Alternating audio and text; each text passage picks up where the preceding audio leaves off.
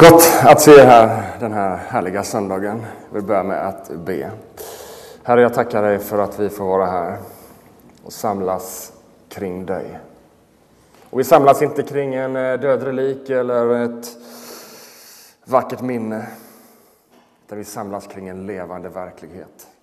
En levande Gud. Du, Kristus, är mitt ibland oss med din närvaro. Jag tackar dig att nu när vi ska få predika ditt ord, att du talar till våra hjärtan, att du rör vid oss, Herre. Precis så som bara du kan göra, Herre. Jag tackar att ditt ord har makt att förvandla. Ditt ord har makt att skapa liv. Ditt ord har makt att hela, upprätta och frälsa. Ditt levande ord. Jag ber att du ska hålla mig i ditt grepp med din helige Ande så att jag får tala ditt ord i Jesu namn. Amen. Förra veckan så inledde Joel den här serien Gud är kärlek. Och han eh, talade om att Gud i sitt väsen är kärlek och att treenigheten är en grund för hur Gud faktiskt kan vara fullkomlig kärlek. Eh, att liksom det finns en pågående kärleksrörelse inom, inom Gud, mellan Fadern, Sonen och den helige Ande. En kärlek som är av evighet i Gud själv. Så när Gud skapar världen så bjuder han oss in i denna kärleksrelationen. Människan faller bort från Guds närhet. Gud sänder sin son för att återigen bjuda oss in i det här kärleksdramat som finns i Gud själv. Så missade du förra veckans predikan så förstår du att du behöver gå in på vår hemsida eller på podcasten och så lyssna på förra veckans predikan som, eh, som eh, ger dig en stabil grund i att förstå hur och varför Gud är kärlek. Vi ska fortsätta på det här temat Gud är kärlek. Och man kan ju tycka att är det någonting man behöver prata om kan man ju ställa sig frågan. Gud är kärlek, det, det verkar väl liksom eh, självklart kan man ju tycka.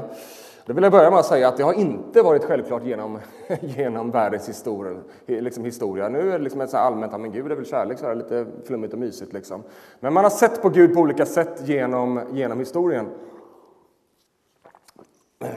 Som en domare och liksom på olika sätt så är det olika liksom gudsbilder som har varit framträdande. Men vi lever i en tid där liksom det kan tyckas vara ganska självklart att Gud är kärlek och man kanske till och med kan tycka att det behöver vi väl inte säga någonting om. Det är väl ganska självförklarande också. Gud är kärlek, punkt. Och eh, som jag sagt så tror jag att många i vår tid, man har liksom inget problem med att köpa det här tanken om en kärleksfull Gud. Men samtidigt så tror jag att jättemånga ändå brottas med den här tanken på ett personligt plan. Ja, ja Gud, ja, det är, Gud är kärlek, så här lite i allmänhet. Men att han älskar mig så där i synnerhet. Ah, helt plötsligt så kanske det blir lite, lite svårare, åtminstone vissa dagar. Kan Gud verkligen älska mig? Andra kanske inte alls har ett problem med det här överhuvudtaget, inte ens på ett personligt plan. Men då tror jag det finns andra utmaningar där vi har liksom anammat världens bild av vad kärlek är för någonting. Så vi förstår ändå inte vad Guds kärlek innebär. Ja, Gud älskar mig. Så här lite allmänt tolerans och acceptans som kärlek är i vårt samhälle och lite gullig känsla. Men Guds kärlek är av ett helt annat slag. Så även där behöver vi utmanas av vad budskapet om att Gud är kärlek faktiskt betyder för mig. Först behöver vi förstå att han älskar mig. Sen behöver vi förstå vad denna kärleken innebär för oss. Och innebörden av ord förändras över tid, precis som jag varit inne på. Det här med liksom att tanken om vad Gud liksom är för någonting, att det har förändrats över tid. På samma sätt är det med ord. Att ord kan betyda olika genom olika tider, men också olika i olika sammanhang. Så betyder ord olika saker. Och i vår tid finns det självklart en ganska stor bredd på vad man lägger i ordet kärlek, vad man lägger för innebörd i ordet kärlek. Men är det någonting som ändå kännetecknar vår tid när det gäller kärlek så är det att vi ser på kärlek som en känsla. Det, liksom, det präglar vår tid. Och pratar man med sociologer, liksom, vad, vad, är kärlek? Ja, men det är en känsla, det är någonting som kommer och går. Det präglar den här tiden. Det finns till och med en svensk film som heter The Theory of eh, Swedish Love, eller vad den nu heter, som tar upp det här, liksom, att kärlek är liksom en, en, känsla. Det är liksom någonting som kommer och går. Vi lever i känslans tid. Vi lever i det vi känner för stunden. Ja, men igår var det så här för dig. Ja, men det var ju igår. Idag känner jag så här. Ja, men du älskade mig igår. Ja, det var igår det. Idag älskar jag någon annan. Bara det känns rätt för dig ligger i vår tidsanda. Så länge det känns rätt. Man kopplar kärleken till en känsla. Känslans tid. Och för dig som har kanske varit på ett bröllop någon gång så har du säkerligen hört orden Jag tar dig, la la la. Att älska och vara trogen tills döden skiljer oss åt. någon som känner igen ungefär den frasen? Mäktiga ord. Jag tar dig. Jag sa det till min fru när vi gifte oss. Jag tar dig, Emelie. Svärdsmyr, som hon hette då. Att älska och vara trogen tills dess att döden skiljer oss åt. Jag var på, det här är aktuellt för mig, för jag var precis på vigselkurs här i veckan. Och eh, då pratade jag med en vigselförrättare som eh, var någorlunda erfaren kan man säga. Han har gjort över 120 vigslar. Eh, under sitt, eh, sin tjänst som pastor. Och han, han berättade så här, att det är ganska intressant, för jag har hållit på med det här länge nu, och så liksom 120 vigslar. Man, man, man liksom börjar se tendenser. Och sista, man kan titta, titta på det sista årtiondet så blir det allt vanligare att brudparen ber, ursäkta mig, men kan vi stryka den här delen ur vigsellöftet? Därför jag kan ju inte lova att jag kommer älska den här personen tills döden skiljer oss åt. Just nu så älskar jag, men det är inget jag kan lova. Och det här är liksom inget skämt, utan det är på allvar. Väldigt vanligt i vår tid i Sverige idag. Ja, men känslan just nu kan jag ju säga att jag älskar den, men jag vet inte hur det är imorgon. En modern definition av vad kärlek är, att det är en känsla som kommer och går. Ja, nu älskar jag den, men jag vet inte hur det är imorgon.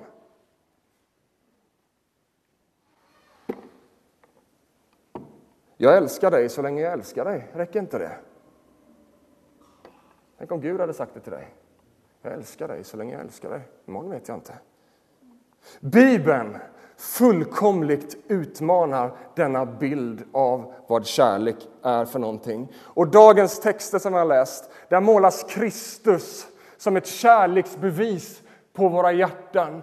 Och det är texter som totalt förkastar, skulle jag vilja säga, vår moderna bild av vad kärlek är för någonting. Kärlek är inte vad denna tiden, den här världen säger att kärlek är. Kärlek är vad kärleken själv säger att den är. En självutgivande, en självuppoffrande kraft som inte förändras från en dag till en annan. Nej, det är ett beslut att älska, inte så länge känslan finns där, utan att älska för alltid. En kärlek som aldrig ger upp. Det är den bilden som Bibeln målar av vad kärlek är för någonting. Så när vi säger att Gud är kärlek så är det inte en känsla som är en, en annan dag, en annan en, liksom nästa dag. Utan det är en kärlek som inte förändras. Det är en kärlek som aldrig ger upp. Inte en kärlek som förändras med känsla och tillfälliga nycker. Nej, det är en kärlek som bär genom allt. Det är därför Paulus kan säga i den text som har kommit kallas för kärlekens lov fantastiskt vackra ord. Där säger Paulus så här. Kärleken, den ger inte upp. Vi lever i en tid där man ger upp. Men kärleken ger inte upp. Den tror allt, hoppas allt, uthärdar allt. Kärleken upphör aldrig. Vilka ord! Ja, vi lever i en värld som är bruten, brösten och vi vet att ibland händer saker i våra liv där liksom kärleken, oj, och det finns nåd för oss alla. Men när vi talar om Guds kärlek, den kärlek som Gud har för oss och den kärlek han vill ingjuta i våra hjärtan, så är det en kärlek som inte ger upp. En kärlek som tror allt, som hoppas allt och uthärdar allt. Kärleken upphör aldrig. Första Korinthierbrevet 13, vers 7-8. Det här är en kärlek som Gud vill att vi ska uppfyllas av. Det är en kärlek som Gud vill att vi ska leva av, utmanas av, formas av. Och Det här är en kärlek som också ska få växa i våra liv. En kärlek som kan så känner inte jag varje dag för min fru eller för någon. Liksom, det, men det är en kärlek som kan få växa i oss. Så att vi låter Guds kärlek få påverka oss. Så att det får påverka mitt liv, mitt äktenskap, får påverka synen på er, älskade församling. Men också på alla relationer jag har, på människor runt omkring mig. Att få låta Guds kärlek få forma mitt liv, få forma ditt liv. Och I min enkla lilla predikan idag så vill jag se lite närmre på de här välkända verserna, Johannes 3 och 16, som än så länge, tror jag i alla fall, är de väl, mest välkända verserna i Bibeln.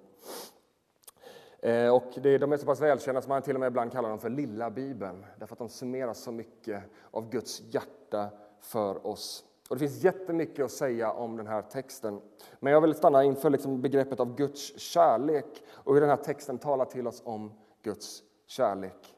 Så älskade Gud världen. Så älskade Gud världen att han utgav sin enfödde son för att var och en som tror på honom inte ska gå förlorad utan ha evigt liv. Gud han har inte sänt sin son för att, till världen för att döma världen utan för att världen ska bli frälst, ska bli räddad genom honom. Den som tror på honom blir inte dömd, men den som inte tror är redan dömd eftersom att han inte tror på Guds enfödde Sons namn. Så älskade, så älskade Gud världen. När det gäller människan, när det gäller Guds plan att rädda människan som den här texten beskriver, hur Gud sände sin son för att rädda, för att frälsa människan. När det gäller människan så börjar allt med och i kärlek. Det är en sån första uppenbarelse av den här texten. När det gäller dig och mig, när det gäller den här världen, så börjar allt med kärlek. Ibland kan vi få för oss att det är liksom det här med att Gud skapar människan och Jesus sändes och liksom dog på ett kors och alltihopa. Vi kan liksom få för oss att det är på något sätt som att Gud hade ett problem han behövde lösa. Så han liksom, ja, hur ska vi lösa det här nu då? Liksom, resonerar han inom gudomen. Liksom, vi har lite problem här och vi behöver liksom, ja, vi skapar lite människor, och får vi se vad som händer. Och så sätter han igång ett projekt för att han ska lösa sitt problem. Och sen gick allt lite fel och så, hur ska vi lösa det här nu då? Liksom, ja, vi skickar Jesus. Och så är det någon form som, Gud har någon form av, liksom, mår bra av att göra liksom lite tankegymnastik och liksom experimentera lite och se vad som händer. Du kanske inte har tänkt som mig, jag är ju knäpp. Nu målar jag ut lite här för att det ska bli lite mer spännande. Men, men, men så här kan jag tänka ibland, att Gud han hade liksom, ja, han hade något problem, han, liksom, han, han blev lite kreativ, han ville, eller vad det nu är för någonting. Men så är det inte, slår den här texten fast. Det började i att så älskade Gud. Det började i hans hjärta. Så älskade Gud. Allting med Gud börjar i hans kärlek. Gud var fullkomlig i sig själv. Han behövde ingen tankegymnastik eller ett problem att lösa för att han skulle må bra. Han var inte uttråkad. Han var fullkomlig i sig själv. Så Gud, han, Guds verk med människan hämtar inte sin drivkraft i Guds behov av problemlösning eller något annat behov. Guds drivkraft med sin skapelse och att rädda människan hämtar sin drivkraft i vad då? Kärleken. Så älskade Gud. Guds handlande, låt mig slå fast det här en gång för alla. Guds handlande med människan genom alla tider är alltid rotat i kärlek. Därför att Gud kan inte förneka sitt väsen. Gud kan inte göra någonting utanför kärleken, därför att Gud är kärlek. I allt är Gud kärlek. Så kan ju du ibland tänka, och jag med, men när jag läser det här i min bibel så känns det inte som att Gud är kärlek. Han är ju jobbig med mig. Han är ju liksom, åh, den här versen irriterar mig. Och där säger han ju till mig att jag ska förändra mig också. Och så får jag inte tänka, därför att Gud har skapat den här ordningen. Och, uh. Lyssna! Allt i hans ord är av kärlek. Och är det så att vi tar det på ett annat sätt så har vi inte förstått innebörden av det han säger. Vi har inte förstått hans skapelsetanke, vi har inte förstått att han är kärleken själv och han äger rätten att definiera vad som är kärlek. Och han vet vad som fungerar ifrån evighet dåtid till evighet framtid. Han har hela bilden. Så hela hans handlande med sin skapelse är kärlek. Så älskade Gud världen. Har vi kommit lite in i texten här? Ta ett ord till. Så älskade Gud, och så kommer vi ett ord till. Så älskade Gud världen. Hoppas ni har tre timmar på er. Så älskade Gud världen. Jag vet inte vad du tänker på när du hör ordet världen, men när jag hör världen så tänker jag ja, men jorden, träd, planet, planet länder, språk, ja, men liksom världen. Det är så vi, liksom, vi använder ordet världen i vårt språkbruk, liksom, så som jorden som sådan i allmänhet. Men världen i Johannes språkbruk och i Nya testamentet är inte ett begrepp för att beskriva liksom bara jorden i allmänhet. Utan världen i bibliskt språkbruk är den värld som har vänt Gud ryggen och gått sin egen värld. Så när Johannes säger så älskade Gud världen, så säger Johannes att så älskade Gud den värld som har vänt honom ryggen, den värld som är fallen, den värld som är under syndens våld. Den värld som inte vill veta av Gud. Den värld där människorna älskar mörkret mer än ljuset, som vi läste i texten. Och när man tänker på Guds kärlek så är det ganska enkelt att tänka liksom att ja, men Gud, han, eh, han eh, liksom eh, älskar väl dem som vi också tycker är lite så älskvärda, men det finns lite snälla människor och jag tillhör väl en av dem kan man tycka. Gud liksom älskar det som är vackert i världen och människor som gör det goda och sådär. Men du kanske inte tänker på det här varje gång du läser Johannes 3.16. Det här är ord som är helt otroliga. Vad är det Johannes säger? Eller om det nu är Jesus som säger det här, det vet man inte riktigt, det spelar ingen roll för det är Guds ord.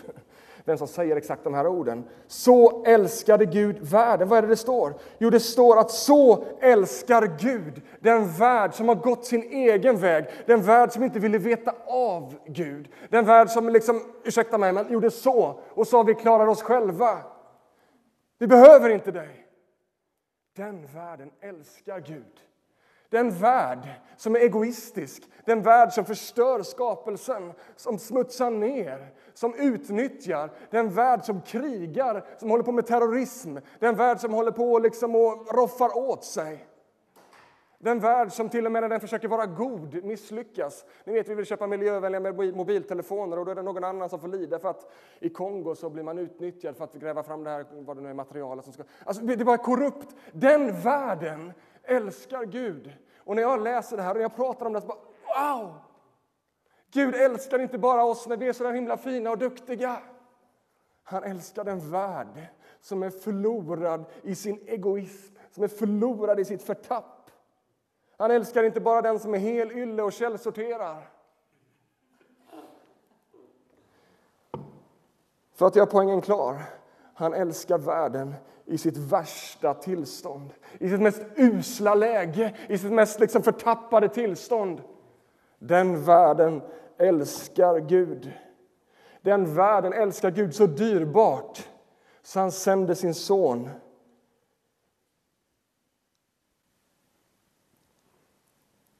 Precis som vi hörde Joel läsa från Romarbrevet 5.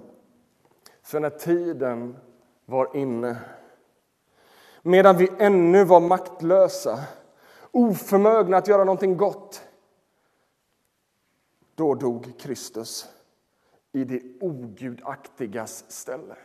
Inte i det fromma ställe, inte i de heliga ställe, i det ogudaktigas ställe. Knappast vill någon dö ens för en rättfärdig. Jo, kanske vågar någon dö för den som är god.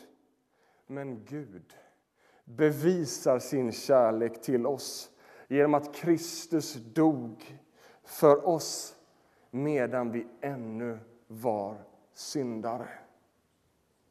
Gud inte bara visar sin kärlek, utan Gud bevisar sin kärlek genom att Kristus dog för oss medan vi ännu var syndare. Ja, om Kristus hade dött för oss när vi visade oss från vår bästa sida, det hade ju varit gott nog.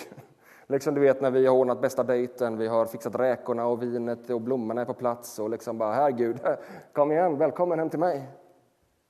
Då kan man ju tänka att ja, men, okej, Gud han älskade mig lite grann för att han blev lite, fick ett känslorus. Men Guds kärlek är inte sådan.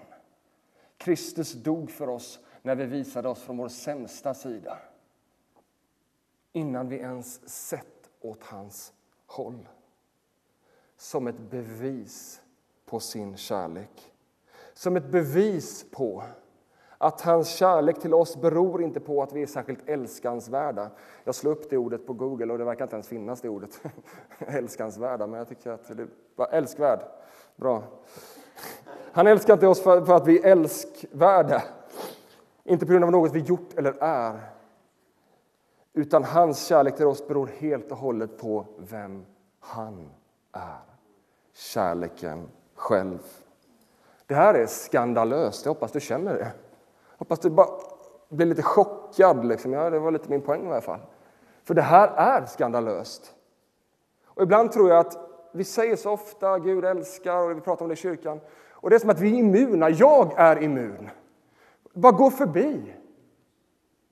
Men Kristus vill med sin ande levande göra detta för våra hjärtan så att vi förstår och känner att vi är älskade. Det här är revolution, detta kärleksbudskap. Gud har ingen skyldighet att älska dem som har vänt honom ryggen. Han har ingen skyldighet. Han har ingen som helst skyldighet att älska den här världen, men han gör det ändå. Detta är kärleken, att Kristus har älskat oss innan vi har älskat honom. Han gör det ändå. Han gör det med en kärlek som inte ger upp. Han gör det liksom med en fullkomlig kärlek som brinner av iver. En sån kärlek riktar han mot dig och mig.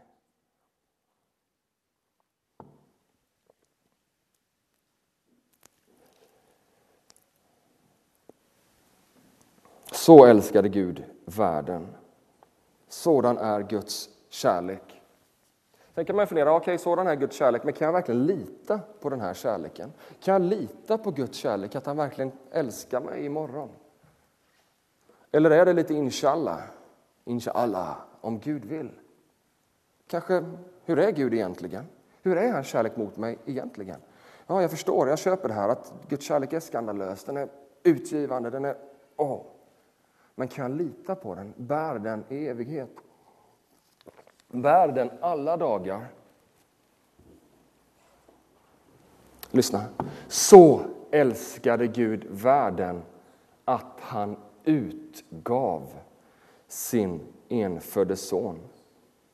Guds kärlek är ett utgivande av sig själv till dig. Det han ger det bästa han har. Han ger av sig själv, han ger sin son för att bevisa sin kärlek till dig. Gud kommer inte ändra sig.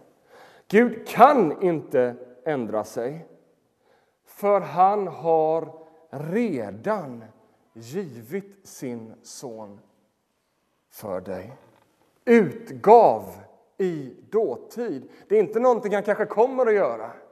Han har utgett sin son som ett bevis och det ligger fast för evigt. Så Gud i sin väsen är fullkomlig evig kärlek och han har bevisat det genom att han har utgivit sin son för dig. Han kan inte ta det tillbaka, han vill inte ta det tillbaka. Han har bevisat genom att han har utgett det dyrbaraste. Han har sig själv, sin son. Jesus är beviset på Guds oföränderliga kärlek mot dig och något djupare bevis finns inte. Så hur mycket älskar Gud dig då? Hur mycket älskar han dig? Så älskade Gud världen att han gav sin son. Hur mycket älskade han världen? Så att han gav sin son. Hur mycket älskade han dig? Så att han gav sin son. Hör du vad jag säger? Så mycket älskar han dig. Hur mycket älskar han dig? Så att han gav sin son. Han gav det bästa han hade. fanns inget mer han kunde ge sig själv, sin son. Så mycket älskar han dig. Jesus är måttet. Lyssna nu, det här är helt otroligt. Jesus är måttet på Guds kärlek mot dig. Det är inte så att han mäter ut lite grann av vem han är. Det hade ju varit nog. Kan du mäta ut liksom det här mycket? Nej. Jag älskar, jag hörde Joel predika om det förra veckan, att, att liksom Fadern har älskat Sonen i all evighet med en fullkomlig kärlek. Så mycket älskar han dig. Jag hade varit nöjd med så lite. Men det är så mycket. Det finns ingen gräns.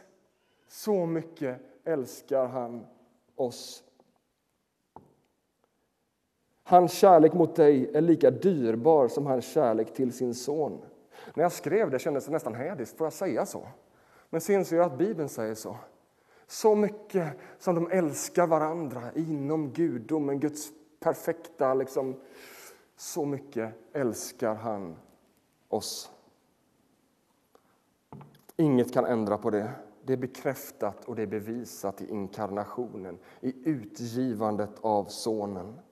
Där Sonen överger sin himmelska härlighet, kommer hit ner och ger sitt liv för oss av kärlek. Inte av plikt, inte för att lösa något problem som Gud hade. Nej, av kärlek. Och det här behöver vi välja att ta emot. Det här behöver vi välja att tro på. Det här behöver vi välja att respondera på. En del tror liksom att Gud är bara en kraft som flyter omkring och så lever vi våra liv och lite så här allmänhet. Guds kärlek är inte en opersonlig kraft som flyter omkring i universum. Guds kärlek är inte en opersonlig kraft. Guds kärlek är en person, Jesus Kristus. Någonting att tro på, någonting att ta emot och någonting att respondera på. Han har gett sig själv för oss så att vi kan få ge oss själva till honom. Se inte på Guds kärlek som en opersonlig grej som flyter omkring. Guds kärlek är bevisad i Kristus Jesus. Och när vi tror på honom så ska vi inte gå förlorade utan ha evigt liv, säger Johannes. Det vore nog att bara få att vi får smaka på hans kärlek, men inte bara det, vi får evigt liv. För att han vill spendera evigheten med dig. Han vill inte ha dig på avstånd. Han älskar dig så mycket så han vill spendera en evighet tillsammans med dig. Och när vi får smaka på den här kärleken så förändras allt. Och jag vet att Marcus Olsson som kommer hit och gästpredikar nästa vecka kommer prata mer om det här. Om hur Guds kärlek förvandlar oss. Hur Guds kärlek gör någonting med oss. Därför det gör det. Guds kärlek är som vi sa i början inte bara allmän acceptans och gör vad du vill, Gud älskar mig ändå. Lite så här slarvigt liksom. Som vi ibland, alltså när jag har predikat det jag har gjort nu, känner ni vad fel det känns att tänka på Gud på det sättet? Som att han älskar mig ändå, skitsamma. Alltså det blir bara... Oh. Det är liksom som en person man älskar dyrbart. Att svika den personen, liksom när man, det går inte. Och när man tänker på Guds fullkomliga kärlek, ni förstår den här. Alltså hur kan jag ha ett intresse av att vända honom ryggen? Ju mer vi får bada i hans kärlek, desto mer vill vi också likna honom. Desto mindre problem får vi med de där svåra passagerna i Bibeln som säger gör inte så. Jag har inte skapat er att leva så. Nej, du älskar mig så mycket. Det är väl inget pris att ge upp. Ja, men världen kommer ju tycka, människorna runt omkring mig kommer tycka jag är konstig. Vad spelar det för roll jämfört med den kärlek som han har mätt ut i sin son och gett till oss?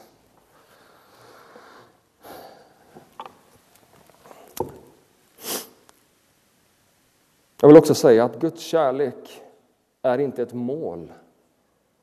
Guds kärlek är en utgångspunkt. Om Guds kärlek är ett mål, då är det någonting som vi ska, måste på något sätt bevisa. Nej, han har bevisat redan. Och han säger, ta emot det här, lev med det här, med min kärlek som en utgångspunkt, inte som ett mål. Det börjar i kärleken.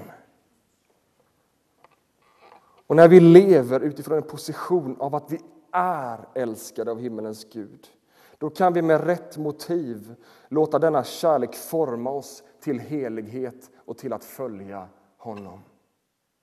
Utan någon baktanke att han ska älska mig lite mer. Det går inte. Nej, det är en utgångspunkt. Guds kärlek till dig förändras inte med Guds dagshumör eller din dagsform. Nej. Varje dag, även den dagen då du är en skitstövel, så är Guds kärlek din utgångspunkt att han älskar dig, att han har gett sitt liv för dig, att han vill dela evigheten med dig.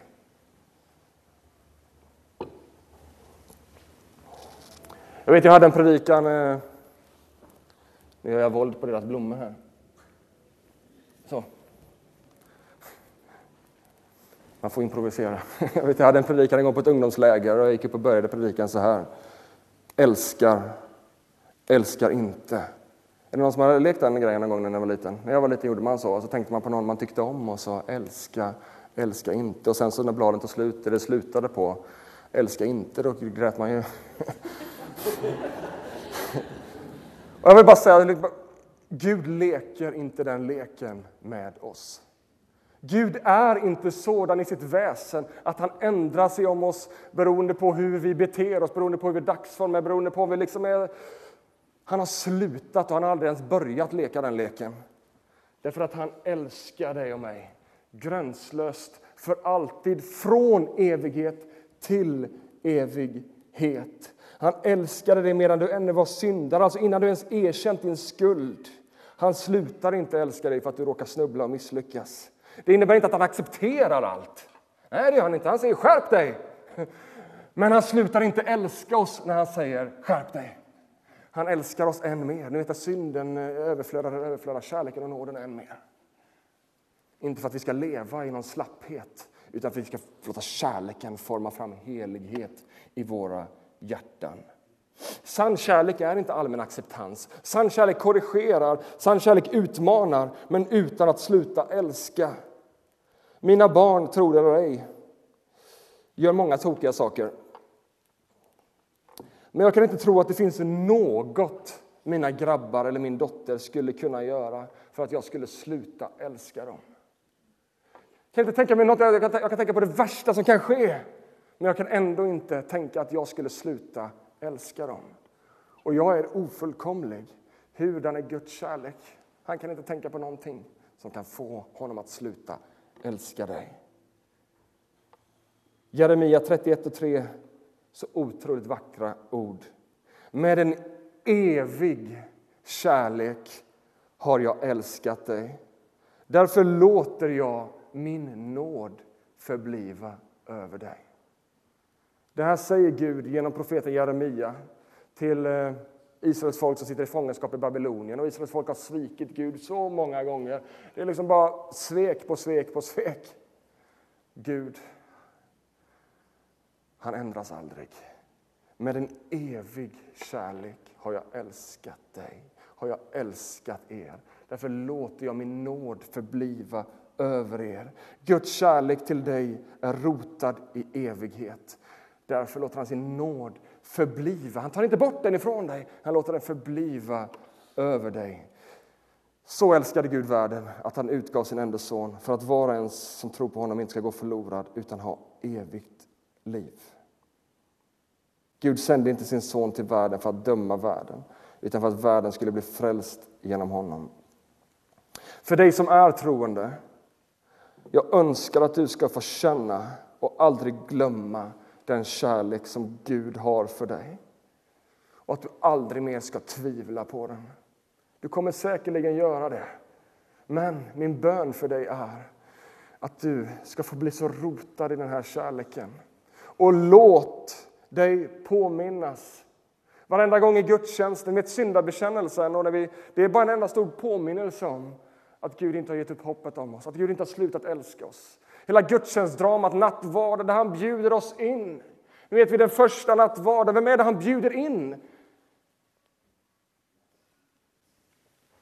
Judas, som snart skulle förråda honom. Petrus, som snart skulle förneka honom. Ja, alla skulle lägga benen på ryggen och springa. Men det var dessa människor, världen, kommer ni ihåg, som Gud älskar och han bjuder oss, varenda gudstjänst är bara en inbjudan in i den här kärleksrelationen med den treenige guden. Låt dig påminnas resten av ditt liv så att du mer och mer får bli uppfylld av hans kärlek.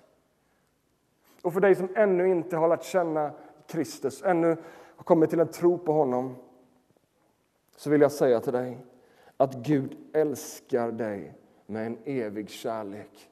Därför låter han sin nåd förbliva över dig. Det gäller inte de som just nu kallar sig kristna, det gäller varenda människa. Älskar Kristus och han har kommit för din skull. Ta emot Guds gåva, lev i Guds gåva och kom ihåg att Guds kärlek inte är ett mål att uppnå, det är en utgångspunkt att leva i. Amen.